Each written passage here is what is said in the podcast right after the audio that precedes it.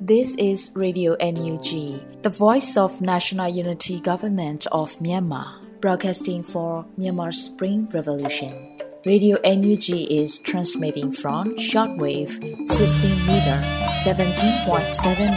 MHz at 8:30 a.m. and 25 meter 11.94 MHz at 8:30 p.m. Myanmar Standard Time.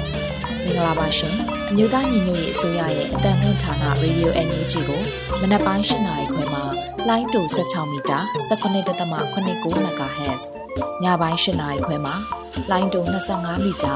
17.6 MHz တို့မှာဓာတ်ရိုက်ဖမ်းယူနိုင်စေနိုင်ပါရှင်။မင်္ဂလာအပေါင်းနဲ့ပြည့်စုံကြပါစေ။အခုချိန်ကစပြီး Radio NUG အစီအစဉ်လေးကိုဓာတ်ရိုက်အတန်လွှင့်ပေးနေပါပြီရှင်။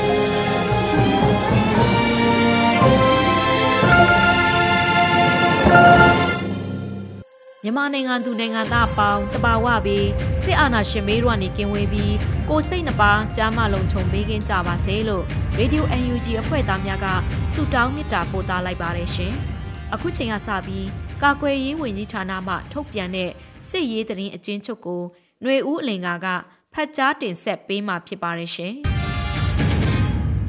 ကာကွယ်ဝင်ကြီးဌာနအမျိုးသားညီညွတ်ရေးဆိုရမှထုတ်ဝေတဲ့နိုင်စဉ်စည်ရေးသတင်းချင်းချုပ်ကိုတင်ဆက်ပေးတော့မှာဖြစ်ပါတယ်။စစ်ကောင်စီနဲ့တိုက်ပွဲဖြစ်ပွားမှုသတင်းတွေကိုတင်ဆက်ပေးကြပါမယ်။ချင်းပြည်နယ်မှာမတ်လ23ရက်နေ့မနက်9:00နာရီခန့်ကမတူပီမြို့နယ်ခွာဟောင်းကျွာနီမှာစစ်ကောင်စီတပ်နဲ့ CDF မတူပီတို့တိုက်ပွဲဖြစ်ပွားနေပြီးထိခိုက်ကြဆုံးမှုကိုစုံစမ်းနေစေဖြစ်ကြောင်းသိရှိရပါတယ်ခင်ဗျာ။ မက်လ12ရက်နေ့ကပလဝမြို့နယ်စမီးမြို့နယ်မှာစစ်ကောင်စီတပ်နဲ့ပလဝပြည်သူ့ကာကွယ်တပ်တို့တိုက်ပွဲဖြစ်ပွားခဲ့ပြီး CDF ပလဝမှာရဲဘော်စလိုင်းရေရှဲကြာဆုံးသွားခဲ့ကြောင်းသိရှိရပါတယ်ခင်ဗျာ။စကိုင်းတိုင်းမှာမက်လ13ရက်နေ့မနက်6:45မိနစ်ခန့်ကကတာမြို့နယ်ကတာမြို့ချောင်းဝကျေးရွာနီးမှာခမာယာ415တရင်မှုထွန်းအောင်ပိုင်းဦးဆောင်တဲ့စစ်ကောင်စီတပ်သားအင်အား82ဦးကို မြို့လှပြည်သူ့ကာကွယ်တပ်ကစောင့်ကြိုတိုက်ခိုက်ခဲ့ကြောင်းသိရှိရပါတယ်ခင်ဗျာမက်လ23ရက်နေ့မနေ့ပိုင်းက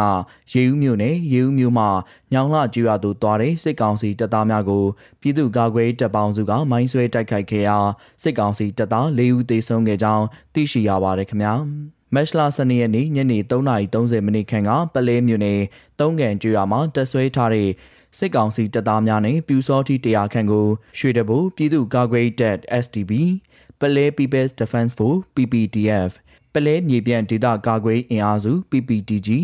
ပလဲ People's Defense Force Headquarters ပကပတပ်ဖွဲ့မုံရတမဏိတပ်ခွဲ3 MPDF ပုံတောင်တိုက်ကားနဲ့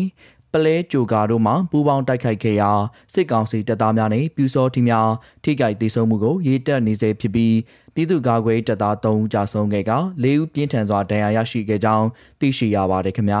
မကွေးတိုင်းမှာမတ်လ23ရက်နေ့မနက်7:30မိနစ်ခန့်ကရေစကြိုမြို့နယ်စီတာအုပ်စုဂွေးကြိုရွာမှာပြူစောတိတင်နန်းပေးရန်ပြင်ဆင်နေတဲ့ပြူစောတိကောင်းဆောင်နေကိုပြည်သူ့ကာကွယ်တပ်သားများက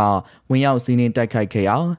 အပြန်အလှန်ပစ်ခတ်မှုများမိနစ်30ကြာဖြစ်ပွားခဲ့ပြီးစစ်ကောင်စီဘက်မှတက်ကူများရောက်လာတဲ့အတွက်ကြောင့်ပြည်သူ့ကာကွယ်တပ်သားများထိခိုက်မရှိပြန်လည်ဆုတ်ခွာခဲ့ကြောင်းသိရှိရပါတယ်ခင်ဗျာ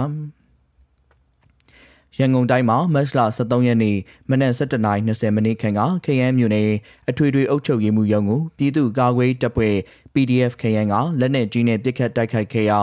စစ်ကောင်စီတပ်သားတူးထိခိုက်ဒဏ်ရာရရှိခဲ့ကြောင်းသိရှိရပါတယ်ခင်ဗျာ။ ဆက်လက်ပြီးစစ်ကောင်စီကကျူးလွန်တဲ့ရာဇဝတ်မှုတွေကိုတင်ဆက်ပေးကြပါမယ်။ကရင်ပြည်နယ်မှာမက်လ23ရက်နေ့မနက်2နာရီခန့်ကဖာပုံခရိုင်တွင်းရှိနေရာ3ခုကိုစစ်ကောင်စီမှတိုက်လေရင်များနဲ့ဘုံကျဲတိုက်ခိုက်ခဲ့ကြောင်းသိရှိရပါတယ်ခင်ဗျာ။ စကိုင်းတိုင်းမှာမတ်လ12ရက်နေ့ည8နာရီခန့်ကရွှေဘိုမြို့နယ်ရွှေဘိုမြို့စိတ်ခွန်ကျေးရွာရဲစခန်းမှာတပ်ဆွဲထားတဲ့စစ်ကောင်စီတပ်သားများကအပြစ်မဲ့ပြည်သူ၃ဦးကိုဖမ်းဆီးနှိပ်စက်တပ်ဖြတ်ခဲ့ပြီးနောက်လမ်းဘေးမှာပစ်ထားခဲ့ကြောင်းသိရှိရပါတယ်ခင်ဗျာ။မကွေးတိုင်းမှာ မက်လာစနေရက်နေ့ညနေပိုင်းကရေစကြိုမြို့နယ်ဘုံမကျွန်းကိုစစ်ကောင်စီတပ်သားများနဲ့ပြူစောထီများဝင်ရောက်ဝင်နောက်ခဲ့ပြီးရန်ကားတောင်းကျန်ကဖုံးနဲ့ငွေများခိုးယူသွားခဲ့ပြီးအပြစ်မဲ့ရွာသားတူကိုလည်းရိုက်နှက်သွားခဲ့ကြောင်းသိရှိရပါတယ်ခင်ဗျာ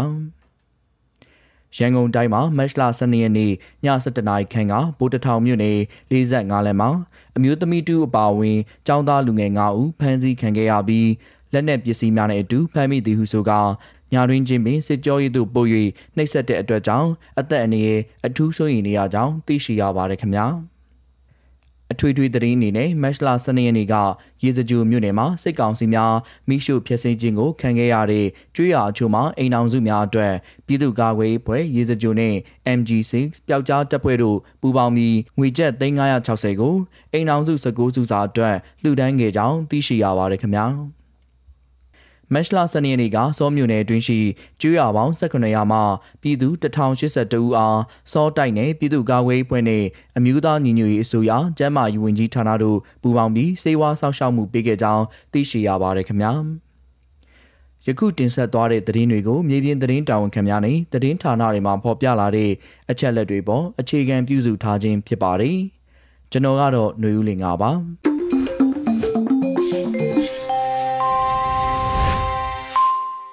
ဆက်လက်ပြီးတော့ Radio UNG ရဲ့တော်လှန်ရေးတေးဂီတအစီအစဉ်ကနေဒါနောက်ဆုံးတိုက်ပွဲဆိုတဲ့တော်လှန်ရေးတေးသချင်းကိုနားဆင်ရပါမယ်ရှင်။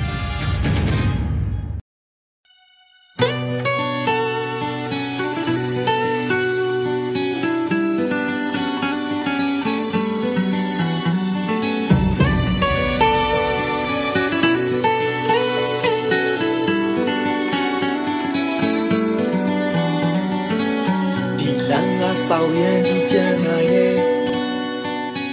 ကြမ်းလဲရှိဆက်ပြီးတိုးမာပဲဒါနောက်ဆုံးပွဲလူတိုင်းဟာတမိုင်းတခုလောရေးကြတာပဲရေးလိုက်တဲ့မင်းရဲ့တမိုင်းကကြံခဲ့မှာပဲဒါနောက်ဆုံးပွဲဘဘုံတီချတဲ့အပန်းတွေမလျှော့နဲ့ ကြတဲ့အတန်တွေမှန်တဲ့သေချာနေတာဟိုမှာကြောက်ပြောင်းနေပြီ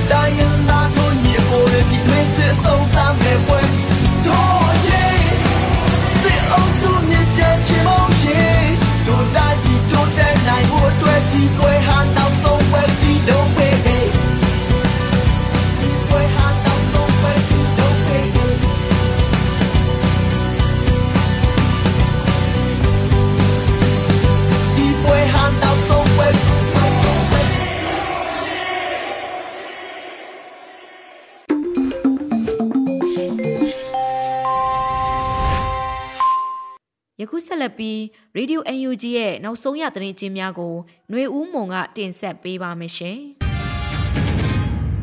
မင်္ဂလာပါရှင်နောက်ဆုံးရသတင်းများကိုတင်ဆက်ပေးသွားမှာဖြစ်ပါတယ်ခုတင်ဆက်မဲ့သတင်းတွေကိုတော့ Radio NUG သတင်းတာဝန်ခံတွေနဲ့ခိုင်လုံတဲ့မိဘသတင်းရင်းမြစ်တွေကအခြေခံတင်ပြထားတာဖြစ်ပါတယ်ကျွန်မຫນွေဦးမော်ပါ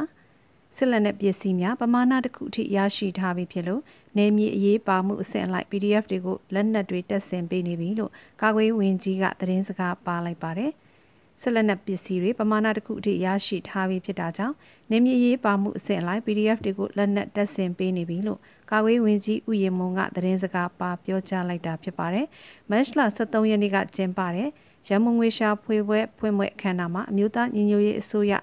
ကာကွယ်ဝင်ကြီးဥယျာဉ်မုံကပြောကြားခဲ့တာပါ။သတင်းကောင်းတစ်ခုပြောရရင်ထိုက်တဲ့ဆက်လက်နဲ့ပစ္စည်းများပမာဏတစ်ခုထိရရှိထားပြီးဖြစ်ပါတယ်။ဒါကလည်းကျွန်တော်တို့ NUG အစိုးရနဲ့မဟာမိတ်အကူအညီနဲ့လက်တွဲကြိုးပမ်းလို့ရရှိထားတာဖြစ်ပါတယ်။ထိုက်တဲ့နဲ့ရရှိတဲ့ပမာဏကိုနေမြေအရေးပါမှုဦးစားပေးအဆင့်အလိုက်တက်ဆင်ပေးနေပါတယ်။ PDF ရဲဘော်တယောက်တနက်တလက်ကတော့အများကြီးအလံဝေးနေပါသေးတယ်လို့ဝင်ကြီးကဆိုပါတယ်။ လက်နက်တပ်စင်ရေးအပိုင်းအားအများပြည်သူထောက်ပံ့ငွေပါဝင်အားလုံး American Dollar တန်း30ရရှိခဲ့ကြောင်း၎င်းထဲမှ85ရာခိုင်နှုန်းအားလက်နက်တပ်စင်ရေးမှာအသုံးပြုနေပြီဖြစ်တယ်လို့ကာဝေးဝင်ကြီးကအသိပေးခဲ့ပါတယ်။လက်နက်တပ်စင်ရေးအပိုင်းမှာကိုယ်တိုင်ထုတ်လုပ်ရေးအပိုင်းလည်းပါဝင်ပေမဲ့ဒါကရာခိုင်နှုန်းနည်းပါတယ်။အဓိကအဆင့်မီတဲ့လက်နက်တွေရှာဖွေတက်စင်ရေးကိုအဓိကငွေကြေးသုံးစွဲခဲ့ပါတယ်လို့ကာကွယ်ဝင်ကြီးဦးရင်မွန်ကဆိုထားပါတယ်ရှင်။ CRPH ကကိုဖုံးမော့ကိုဆိုနိုင်ကြာဆုံးခြင်း34နှစ်ပြည့်နှစ်ပတ်လည်အနည်းအတွက်တဝန်လွှာပေးပို့ခဲ့ကြောင်းသိရှိရပါတယ်။ပြည်ထောင်စုလွှတ်တော်ကိုစားပြုကော်မတီ CRPH ကမတ်လ23ရက်နေ့မှာကြာရောက်တဲ့ကိုဖုံးမော့ကိုဆိုနိုင်ကြာဆုံးခြင်း34နှစ်ပြည့်နှစ်ပတ်လည်နေ့အတွက်တဝန်လွှာကိုပေးပို့ခဲ့ပါတယ်။1988ခုနှစ်မတ်လ23ရက်နေ့မှာအာနာသိန်းစစ်ကောင်းဆောင်နေဝင်းရဲ့ကျန်းဖတ်စစ်တပ်က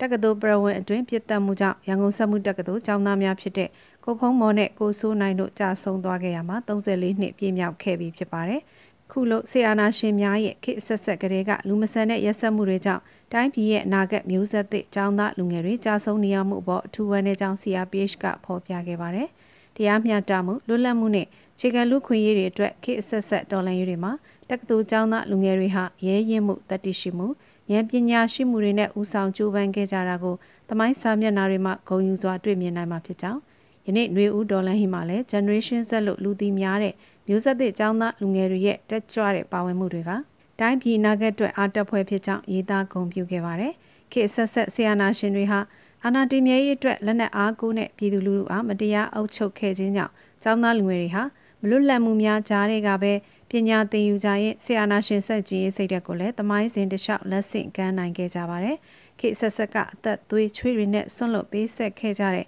ဒီမိုကရေစီသူရဲကောင်းចောင်းသားလူငယ်တွေကိုအတိမတ်ပြုတံမိုးထားပြီးယနေ့ចောင်းသားလူငယ်တွေကသမိုင်းပေးတာဝန်တွေကိုထမ်းရွက်ရင်းနာဂတ်ဖက်ဒရယ်ပြည်ထောင်စုတည်ဆောက်ရေးရဲ့တိုင်းပြည်ဖွံ့ဖြိုးတိုးတက်ရေးမှာဦးဆောင်သွားကြရမယ့်မျိုးဆက်တွေဖြစ်နေကြပြီဆိုတဲ့အကြောင်းကိုလည်းရေးသားပါရှိပါတယ်။ လွန်ခဲ့သော34နှစ်ကလိုပဲယနေ့အချိန်မှလည်းလူသက်ကောင်းဆောင်မင်းအောင်လှိုင်ဦးဆောင်တဲ့အာဏာသိမ်းစစ်တပ်ကမြမပြည်သူတို့အပေါ်မှာဥပဒေမဲ့ဖမ်းဆီးချုပ်နှောင်တာတပ်ဖြတ်တာနေအိမ်ပိုင်ဆိုင်မှုတို့ကိုတင်ဆက်တာမီးရှို့ဖျက်ဆီးတာတို့ကိုလူမဆန်စွာကျူးလွန်လျက်ရှိပါတယ်။ခေဆက်ဆက်ဆီယနာရှင်များရဲ့ရက်စက်မှုကိုတပ်သွေးချွေတွေနဲ့တော်လန်ဖို့ကြိုးပမ်းခဲ့ကြတဲ့မြန်မာနိုင်ငံမှာဘုံဤမှန်းချက်ဖြစ်တဲ့နာဂတ်ဖက်ဒရယ်ပြည်ထောင်စုပေါ်ပေါက်ရေးတို့အတွက်ចောင်းသားလူငယ်တွေပြည်သူလူထုတွေတော်လန်ရေးအင်အားစု တိုင်းသားတော်လန်ရေးအင်အားစုတွေနဲ့အတူတကွဆက်လက်လက်တွဲကြိုးပမ်းသွားမှာဖြစ်ပါတယ်။နာဂတ်မျိုးဆက်တွေအတွက်ငြိမ်းချမ်းပြီးဖွံ့ဖြိုးတိုးတက်တဲ့နာဂတ်နိုင်ငံတော်သစ်တည်ဆောက်ရေးဝိုင်းဝန်းကြိုးပမ်းသွားကြပါစို့လို့တိုက်တွန်းပါကြောင်းပြည်ထောင်စုလွှတ်တော်ကိုစားပြုကော်မတီ CRPH ကပေးပို့သောကိုဖုံးမော်ကိုစိုးနိုင်ကြာဆုံးခြင်း34နှစ်ပြည့်သဝန်လွှာမှာရေးသားပေးပို့ခဲ့ကြောင်းသိရှိရပါတယ်ရှင်။တပိတ်ချင်းမှမန္တလေးသို့ဆင်းလာတဲ့စစ်ကားနှစ်စီးကိုဗိုလ်လင်းယုံအဖွဲ့ကမိုင်းခွဲတိုက်ခိုက်ခဲ့ပါတယ်။ တပိတ်ချင်းကနေပြီးတော့မန္တလေးကိုဆင်းလာတဲ့စစ်ကားနှစ်စီးကိုဘိုလင်းယုံအဖွဲ့ကမိုင်းခွဲတိုက်ခိုက်ခဲ့တယ်လို့သတင်းရရှိပါရယ်။မတ်လ23ရက်မနက်8:45မိနစ်အချိန်စင်ကူးမြို့နယ်ပြင်းပင်နဲ့ကံပြိုကြားရှေ့ထွက်မိုင်း၃လုံးနဲ့တိုက်ခိုက်ခဲ့တယ်လို့ဆိုပါရယ်။အဆိုပါမိုင်းခွဲတိုက်ခိုက်မှုကြောင့်ထိခိုက်မှုအခြေအနေအားလက်တလုံးမသိရသေးဘူးဖြစ်ပါတယ်။ဘိုလင်းယုံအဖွဲ့သားများအနေနဲ့ထိခိုက်မှုမရှိဘဲပြန်လည်ဆုတ်ခွာနိုင်ခဲ့ပြီးမိုင်းခွဲတဲ့နေရာမှာစစ်ကောင်စီတပ်များရန်တမ်းပစ်ခတ်ခဲ့ကြောင်းလည်းသိရှိရပါတယ်ရှင်။ ခင်ဦးရေဦးတပရင်၃မြို့နယ်အဆက်ကိုဝင်ရောက်လာတဲ့စစ်ကောင်စီတပ်ဖွဲ့ဝင်များအဝေးထိန်မိုင်းပြီးပြီး၄ဦးသေဆုံးတဲ့တရင်ကိုတင်ဆက်ပေးပါမယ်ရှင်။ခင်ဦးရေဦးတပရင်၃မြို့နယ်အဆက်ကိုဝင်ရောက်လာတဲ့စစ်ကောင်စီတပ်ဖွဲ့ဝင်များအဝေးထိန်မိုင်းပြီးပြီး၄ဦးသေဆုံးခဲ့ပါတယ်။မတ်လ23ရက်နနက်၈နာရီအချိန်မှာစစ်ကောင်စီတပ်များကိုမဟာမိတ်တပ်များနဲ့အတူမိုင်းခွဲတိုက်ခိုက်ခဲ့တယ်လို့ဂလုံတက်တော်တရင်နှစ်ကဆိုပါတယ်။မတ်လ23ရက်ခင်ဦးရေဦးတပရင်ဝင်ရောက်လာတဲ့အ ကြမ်းဖက်စစ်ကောင်စီတပ်သားများကို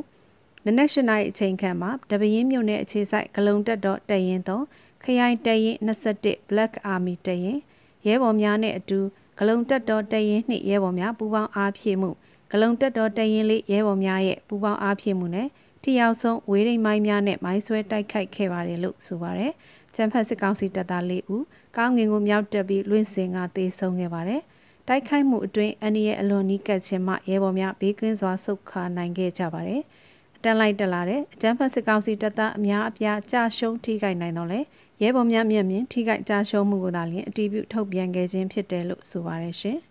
။စစ်ကောင်စီရဲ့ထွေးအုပ်ယုံကို PRDF နဲ့ PDF ပူးပေါင်းတပ်ဖွဲ့ကဘုံခွဲတိုက်ခိုက်ခဲ့ကြပါတယ်။မတ်လ23ရက်နေ့မှာတနင်္သာရီတိုင်းပလောမြို့ မြို့နယ်ခမ်းမထဲမှာရှိတဲ့ထွေအုပ်ရုံးမှာညနေ3နာရီအချိန်ကဘုံပေါက်ကွဲမှုဖြစ်ပွားခဲ့ကြောင်းပလောပြည်သူ့ကာကွယ်ရေးတပ်ဖွဲ့ PDF နဲ့ပလောဒေတာကန်ကာကွယ်ရေးတပ်ဖွဲ့ PRDF ပူးပေါင်းတပ်ဖွဲ့ပြန်ကြားရေးတောင်ငန်းတဦးထံမှသိရှိရပါတယ်။ဖောက်ခွဲမှုကိုမတ်လ23ရက်နေ့လည်က3နာရီခန့်က PDF နဲ့ PRDF ပူးပေါင်းတပ်ဖွဲ့တို့ကတိုက်ခိုက်တာဖြစ်ပါတယ်။မိုင်းနှလုံးဖောက်ခွဲခဲ့ပြီးစစ်ကောင်စီဝန်ထမ်းများတာဝန်များထမ်းဆောင်စဉ်ရုံးစင်းနေရသူများထိခိုက်ဒဏ်ရာရက ရုံးတွင်ပစ္စည်းနဲ့အစာအုပ်မှလည်းထိခိုက်ပျက်စီးမှုများရှိခဲ့တယ်လို့သိရပါတယ်။ပြင်းထန်စွာဒဏ်ရာရရှိခဲ့သောသူတအုပ်မှာတရုတ်တန်းရက်ွက်မှနေထိုင်သူစစ်ကောင်စီလက်အောက်ခံထွေအုပ်စီးမှမကျူရေးဆိုသူဖြစ်ပြီးဗိတ်ဆေးရုံကိုပို့ဆောင်စစ်ကူတာလျက်ရှိကြောင်း PRDF ပြန်ကြားရေးတာဝန်ခံတအုပ်ကပြောပါတယ်။ထွေအုပ်ရုံးမှညနေ3နာရီကပုံပေါက်တယ်။ရုံးပိတ်ရဲ့အလုံဆင်းနေတဲ့ထွေအုပ်ဆေးမှကျူရေးဘုံထီပြီးဒဏ်ရာပြင်းလို့ဗိတ်ဆေးရုံပို့လိုက်ရတယ်။ချားထိခိုက်ဒဏ်ရာရတဲ့သူတွေလည်းရှိတဲ့ ရဲတွေချေရှုပ်နေတယ်လို့ဒေတာကန်တဦးကရှင်းပြပါဗျ။တိုက်ခိုက်ဖောက်ခွဲမှုအပြီးမှာတော့ပူပေါင်းတပ်ဖွဲ့တို့အောင်မြင်စွာဆုတ်ခွာနိုင်ခဲ့ပြီးဘေးလိုရာကိုရောက်ရှိနေပြီဖြစ်ကြောင်း PRDF ပြန်ကြားရေးတာဝန်ခံတဦးကအသိပေးပြောကြားပါဗျ။ဖြစ်စဉ်ပြီးမှာကျန်းဖက်စစ်ကောင်စီကအသေးစိတ်စစ်ဆေးခဲ့ပြီးနောက်မှာအင်အားများစွာနဲ့ပြစ်မဲ့ပြည်သူတို့ဖြစ်သူမတ်စုမြတ်မွန်ဆိုသူရဲ့နေအိမ်ကိုလာရောက်ကျန်းဖက်ဖမ်းဆီးသွားတယ်လို့မျက်မြင်သက်သေတဦးကသတင်းပေးပို့ခဲ့ပါတယ်။ PDF ကလုတ်ပါတယ်ပြောတာတော့မှမဆိုင်တဲ့မိန်းကလေးတယောက်ကိုဇိုဖမ်းသွားတဲ့ ဥပဒေကသူတို့လက်ထဲမှာပဲဟာမတရားမခံရပါစေနဲ့ပဲဆူတောင်းတယ်လို့မျက်မြင်ပြည်သူတဦးကသူမရဲ့အမြင်ကိုပြောကြားသွားပါတယ်။တိုင်းပြည်ကိုသိမ်းပိုက်ပြီးဆိုးရွားဆုံးအခြေအနေကိုဖန်တီးနေတဲ့စစ်ကောင်စီနဲ့ထောက်ပံ့ကူညီသူအလုံးကိုတော်လိုင်းအင်အားစုများဘက်ကအကြိမ်ကြိမ်သတိပေးထားပါတယ်။စစ်ကောင်စီနဲ့ပတ်သက်တဲ့နှီးစက်တဲ့နေရာများမှာတက်ခိုက်မှုများဖြစ်လာနိုင်ကြောင်းသတိပေးထားပြီးခုလိုတိုက်ခိုက်မှုများဒေသအနှံ့ပြားမှာပေါ်ပေါက်လျက်ရှိပါတယ်ရှင်။ ရေဒီယို UNG မှဆက်လက်တမ်းလွှင့်နေပါတယ်။ဆက်လက်နားဆင်ရမှာကတော့တော်လှန်ရေးကြပြတပုတ်ဖြစ်ပါတယ်။ We will hold you ဆိုတဲ့ကြပြဖြစ်ပါတယ်ရှင်။ငါ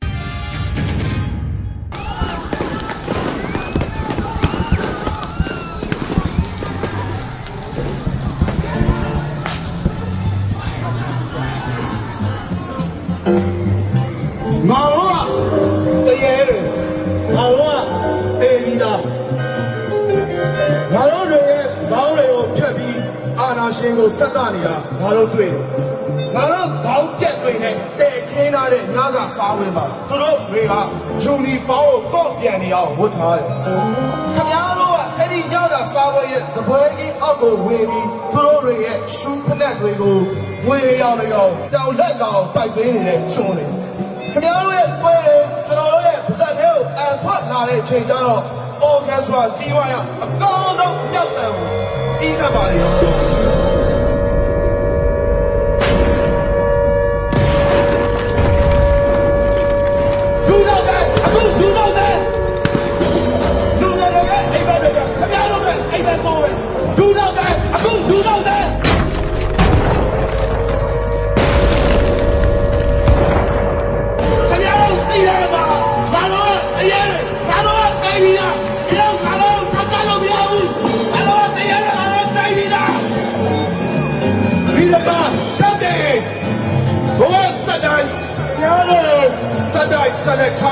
နေနဲ့တရေတရေအချင်းချင်းနဲ့အထာမထား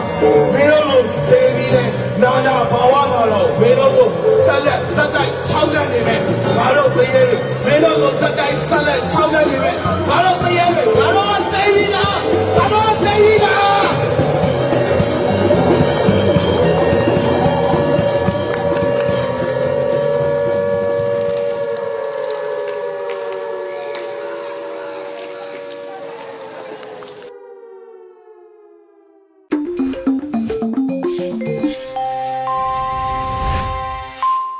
ဆက်လက်ပြီး PVTV ရဲ့နေ့စဉ်သတင်းများကိုထက်ထက်အိန္ဒြာအောင်ကတင်ဆက်ပေးမှာဖြစ်ပါတယ်ရှင်။မြန်မာနိုင်ငံသူနိုင်ငံသားအပေါင်းဘေးရန်ရဲ့အတွေ့အကြုံကကင်းဝေးပြီးကိုစိတ်နှစ်ပါးလုံးကျုံအေးချမ်းကြပါစေလို့ PPTV ဖွဲ့သားတွေကဆုတောင်းမေတ္တာပို့သလိုက်ပါတယ်။အခုချိန်ကစပြီး PPTV သတင်းတွေကိုတင်ဆက်ပေးတော့မှာပါ။ကျွန်မထထင်ရအောင်ပါ။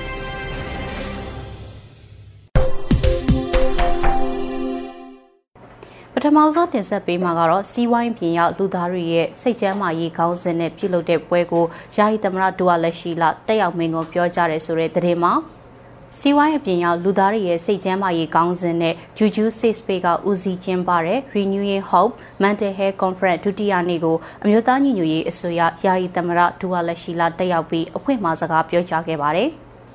ယာယီသမရဒူဝါလက်ရှိလာကမိမိကိုယ်တိုင်လည်းစိတ်ကျန်းမာရေးပညာနဲ့ပတ်သက်ရင်တာမန်လူသားဖြစ်တော်လဲကုလသမဂ္ဂရဲ့ကျန်းမာခြင်းပေါ်ဖွင့်ဆိုချက်ကိုကိုးကားပြီးတော့ကိုယ်ခန္ဓာကျန်းမာရေးစိတ်ကျန်းမာရေးနဲ့လူမှုဘဝကျန်းမာရေးသုံးခုစလုံးကိုအလေးထားကြောင်းလက်ရှိအချိန်မှာလည်းမြန်မာပြည်သူပြည်သားတွေအားလုံးအတွက်စိတ်ကျန်းမာရေးဟာအလွန်အရေးကြီးတဲ့ကာလအခြေအနေသို့ရောက်ရှိနေကြောင်းအကြမ်းဖက်စစ်ကောင်စီရဲ့မတရားအာဏာသိမ်းဖို့ကြံ့ရွယ်ခြင်းကစပြီးပြည်သူလူထုရဲ့အနာဂတ်အမှောင်ဖုံးခဲ့ရပြီးတော့မတရားဖိနှိပ်ချုပ်ချယ်မှုညှဉ်းပန်းနှိပ်စက်မှုတွေကိုခုခံတွန်းလှန်ခဲ့ရသလို COVID-19 ကရောဂါတတိယလိုင်းစတုထလိုင်းများကြောင့်တော်လှန်ရေးကာလရှေ့ကျလာတာနဲ့အမျှတက်ဆိုးတက်ဘေးကိုလည်းခတ်နေရတဲ့အတွက်လူမှုရေးစီးပွားရေးကျန်းမာရေးတက်ရောက်မှုတွေကြောင့်စိတ်ဖိစီးမှုတွေကိုပုံမှုပြီးတော့ခံစားလာရတာပါ။ ဒီလိုစိတ်ဖိစီးမှုတွေကိုကြော်လွှားနိုင်ဖို့အတွက်ယုံကြည်ချက်ရည်မှန်းချက်ခံယူချက်အပြည့်နဲ့နှွေဦးတော်လှန်ရေးကိုအပီးအောင်မြင်အောင်တော်လှန်ပြီး Federal Democracy စနစ်ကိုတည်ထောင်နိုင်ဖို့အားတင်းကြော်လွှားကြဖို့နဲ့အဓိကအတားအဆီးအပိတ်ဆို့ဖြစ်တဲ့ဆီယနာရှင်စနစ်ကိုဖျက်သိမ်းနိုင်မှသာ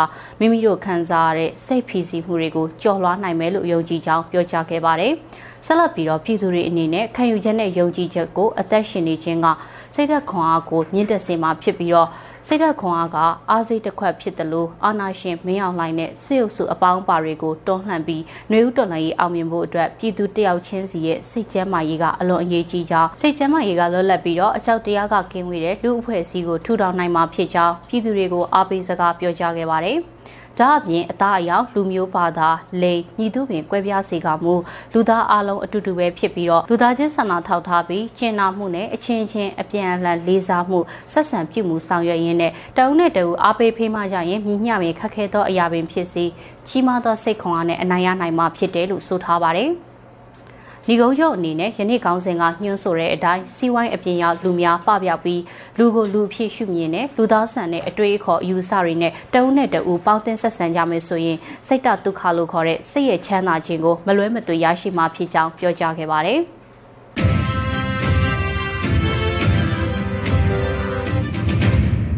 ဆက်လက်တင်ဆက်ပေးမှာကတော့ຫນွေဥတော်လှန်ရေးအတွက်အထောက်အကူပြုဖို့ကန်ဒေါ်လာ136တန်းကျော်အကူအညီပေးရေးပါဝင်ထားတဲ့အမေရိကန်အစိုးရဘတ်ဂျက်ကိုလွှတ်တော်အတည်ပြုလိုက်ပြီးဆိုတဲ့သတင်းမှာအမေရိကန်ပြည်ထောင်စုကွန်ဂရက်လွှတ်တော်ကနေပြီးတော့အမေရိကန်အစိုးရအတွက်2021 2022ခုနှစ်ဘတ်ဂျက်ကိုမတ်လ17ရက်နေ့ကအတည်ပြုခဲ့ရမှာအဲ့ဒီဘတ်ဂျက်ထဲမှာမြန်မာ့နေဦးတော်လှန်ရေးအတွက်ကန်ဒေါ်လာ136တန်းကျော်အကူအညီပေးမဲ့အစီအစဉ်တွေပါဝင်နေတာပါ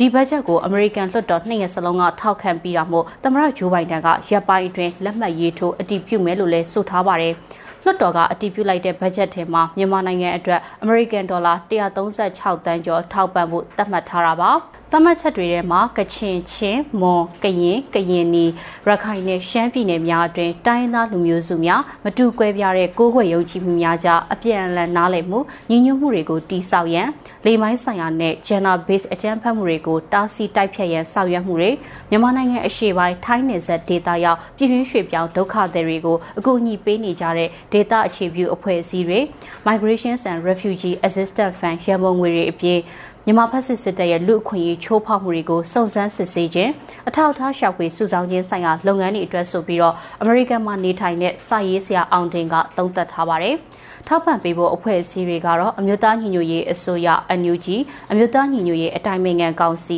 NUCC ပြည်ထောင်စုလွှတ်တော်ကိုစားပြုကော်မတီ CRPH CDM နဲ့တိုင်းသားလက်နက်ကိုင်အဖွဲ့အစည်းများရဲ့နိုင်ငံရေးအုပ်ချုပ်ရေးဆိုင်ရာအဖွဲ့အစည်းတွေဖြစ်တယ်လို့ဆိုထားပါတယ်။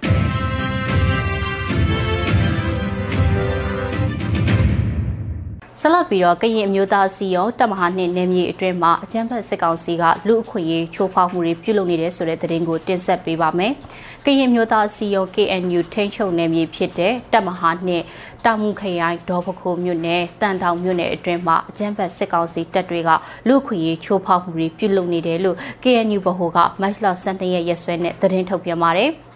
ဒေါ်ဘကုတ်မြို့နယ်တန်တောင်မြို့နယ်ငပြောတော်အုပ်စုတကွဲဘလူအထက်ရွာနဲ့တကွဲဘလူအောက်ရွာကြားမှာမတ်လ10ရက်မနက်9:48မိနစ်ခန့်ကတိုက်ပွဲဖြစ်ပွားခဲ့ပါတယ်။မော်လက်တနာရီလောက်မှာတောက်ရီခက်ရွာအခြေဆိုင်အကြမ်းဖက်စစ်ကောင်စီတပ်ရဲ့တပ်ဖွဲ့ဝင်တွေကတောင်ငူခရိုင်ဒေါ်ဘကုတ်မြို့နယ်တန်တောင်မြို့နယ်ငပြောတော်အုပ်စုထတော်ဖူလီရွာအတွင်းမှာခရီးယန်ဖျားရှိခိုးကြောင်းအတွင်းရှိပစ္စည်းတွေကိုမိရှုဖျက်ဆီးသွားခဲ့တဲ့အပြင်ထတော်ဖူလီရွာသားစောအောင်အားတပ်ဖြတ်သွားခဲ့ပါတယ်။ မတ်လ9ရက်ညနေ6နာရီခွဲအချိန်မှာတောက်ရီကအကြမ်းဖက်စစ်ကောင်စီတပ်စခန်းခမရ604ရဲ့ထဖို့ချီရွာအတွင်းကိုလက်နက်ကြီးလက်နက်ငယ်တွေနဲ့ပစ်ခတ်ခဲ့ပါတယ်။ည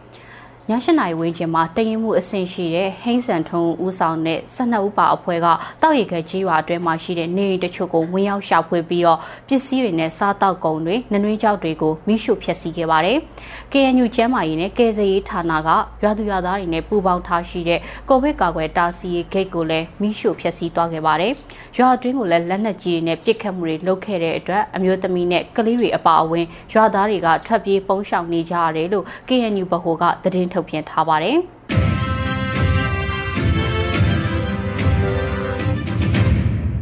အခုနောက်ဆုံးတင်ဆက်ပေးမှာကတော့လူမျိုးပေါင်းစုံဘာသာပေါင်းစုံပါဝင်တဲ့မြန်မာနိုင်ငံတဝန်ကဆင်အနာရှင်အမြင့်ပြည့်ချီမုံရေးလူထုဆန္ဒပြပွဲသတင်းတွေပါ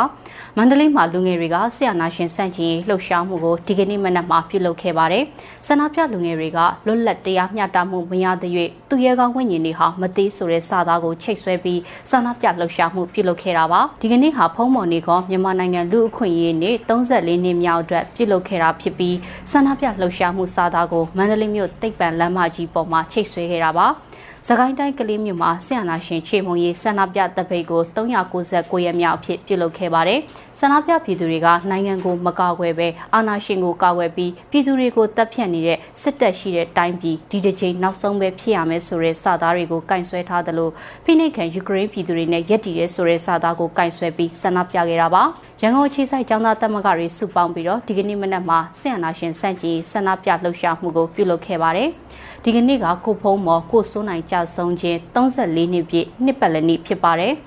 ဆန္ဒပြတဲ့ရန်ကုန်အခြေဆိုင်တက္ကသိုလ်ကျောင်းသားတမကများတက္ကသများရန်ကုန်ကကိုဖုံးမော်ကိုစိုးနိုင်ကြဆုံးခြင်း34နှစ်ပြည့်နှစ်ပတ်လည်နေ့အဖြစ်ရန်ကုန်မြို့ရဲ့ဂုံကျော်တရားတစ်ခုပေါ်မှာသွေးကြွေတွေမျိုးဆက်ထပ်မကူးစေနဲ့ဆိုတဲ့စာတမ်းကိုချိတ်ဆွဲပြီးဆင်အာနာရှင်စန့်ကျင်လှုပ်ရှားမှုပြုလုပ်ခဲ့ပါတယ်။စကိုင်းတိုင်းရင်းမပင်မြို့နယ်ရင်းမပင်အရှိချမ်းနဲ့စလင်းကြီးမြောက်ချမ်းကပြည်သူတွေစုပေါင်းထားတဲ့ရွာပေါင်းစုံတပိတ်စစ်ကြောင်းကလည်းဒီကနေ့မနက်မှာ368ရက်မြောက်အဖြစ်နဲ့ဆန္ဒပြချီတက်ခဲ့ပါတယ်။ ဆန္ဒပြပြည်သူတွေကအဆောက်အဦကိုသာဖြိုလို့ရခြင်းရမယ်အမောင်တို့ရဲ့ရှင်တွေကတမကစိတ်ဓာတ်ကိုတော့ဖြိုလို့မရဘူးဆိုတဲ့စာသားကိုကင်ဆယ်ပြီးဆန္ဒပြချီတက်လှည့်လည်ခဲ့ပါတယ် ဒဝက်ခရိုင်လောင်းလုံးမြို့နယ်မှာတော်လန်တဲ့လူငယ်တွေစုစည်းပြီးတော့ဆင်အနာရှင်စန့်ကျင်ရေးလှုပ်ရှားမှုဆန္ဒပြတပိတ်ကိုဒီကနေ့မနက်မှာပြုလုပ်ခဲ့ပါသေးတယ်။ဒီနေ့ဟာကုတ်ဖုံးမော်ကိုစွန်းနိုင်ကြဆုံခြင်း34နှစ်ပြည့်ဖြစ်တဲ့အတွက်ဖုံးမော်ကြဆုံမတ်လ73တော်လန်တော်နေ့ငါတို့မမေ့ဆိုတဲ့ကြွေးကြော်တန်းနေနဲ့ဆင်အနာရှင်စန့်ကျင်ရေးတပိတ်ကိုပြုလုပ်ခဲ့ပါတယ်။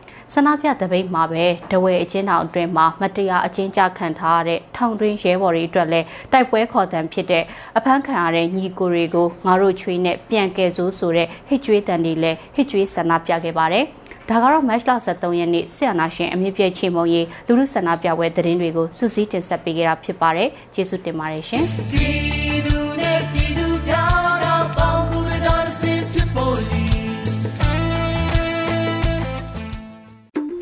ဒီကနေ့ကတော့ဒီညနဲ့ပဲ Radio NUG ရဲ့အစီအစဉ်လေးကိုခਿੱတရနာလိုက်ပါမယ်ရှင်။မြမစံတော်ချိန်မနက်၈နာရီခွဲနဲ့ည၈နာရီခွဲအချိန်တွေမှာပြန်လည်ဆုံတွေ့ကြပါစို့။ Radio NUG ကိုမနက်ပိုင်း၈နာရီခွဲမှာလိုင်းတူ16မီတာ19.8 MHz ညပိုင်း၈နာရီခွဲမှာလိုင်းတူ25မီတာ17.6 MHz တို့မှာဓာတ်ရိုက်ဖမ်းလို့နိုင်စေနိုင်ပါပြီ။ မြန်မာနိုင်ငံသူနိုင်ငံသားတွေကိုစိတ်နှပြကျန်းမာချမ်းသာလို့ဘေးကင်းလုံခြုံကြပါစေလို့ Radio NUG အဖွဲ့သူဖွဲ့သားတွေကဆုတောင်းမြတ်တာပို့တာလိုက်ရပါတယ်ရှင်။အမျိုးသားညီညွတ်ရေးအစိုးရရဲ့စက်သွေးရေးသတင်းအချက်အလက်နဲ့ဥပဒေညာဝန်ကြီးဌာနကထုတ်လွှင့်နေတဲ့ Radio NUG ဖြစ်ပါတယ်။ San Francisco Bay Area အခြေစိုက်မြန်မာမိသားစုတွေနဲ့နိုင်ငံတကာကစေတနာရှင်လို့အားပေးနေတဲ့ Radio NUG ဖြစ်ပါတယ်။အရေးတော်ပုံအောင်ရမည်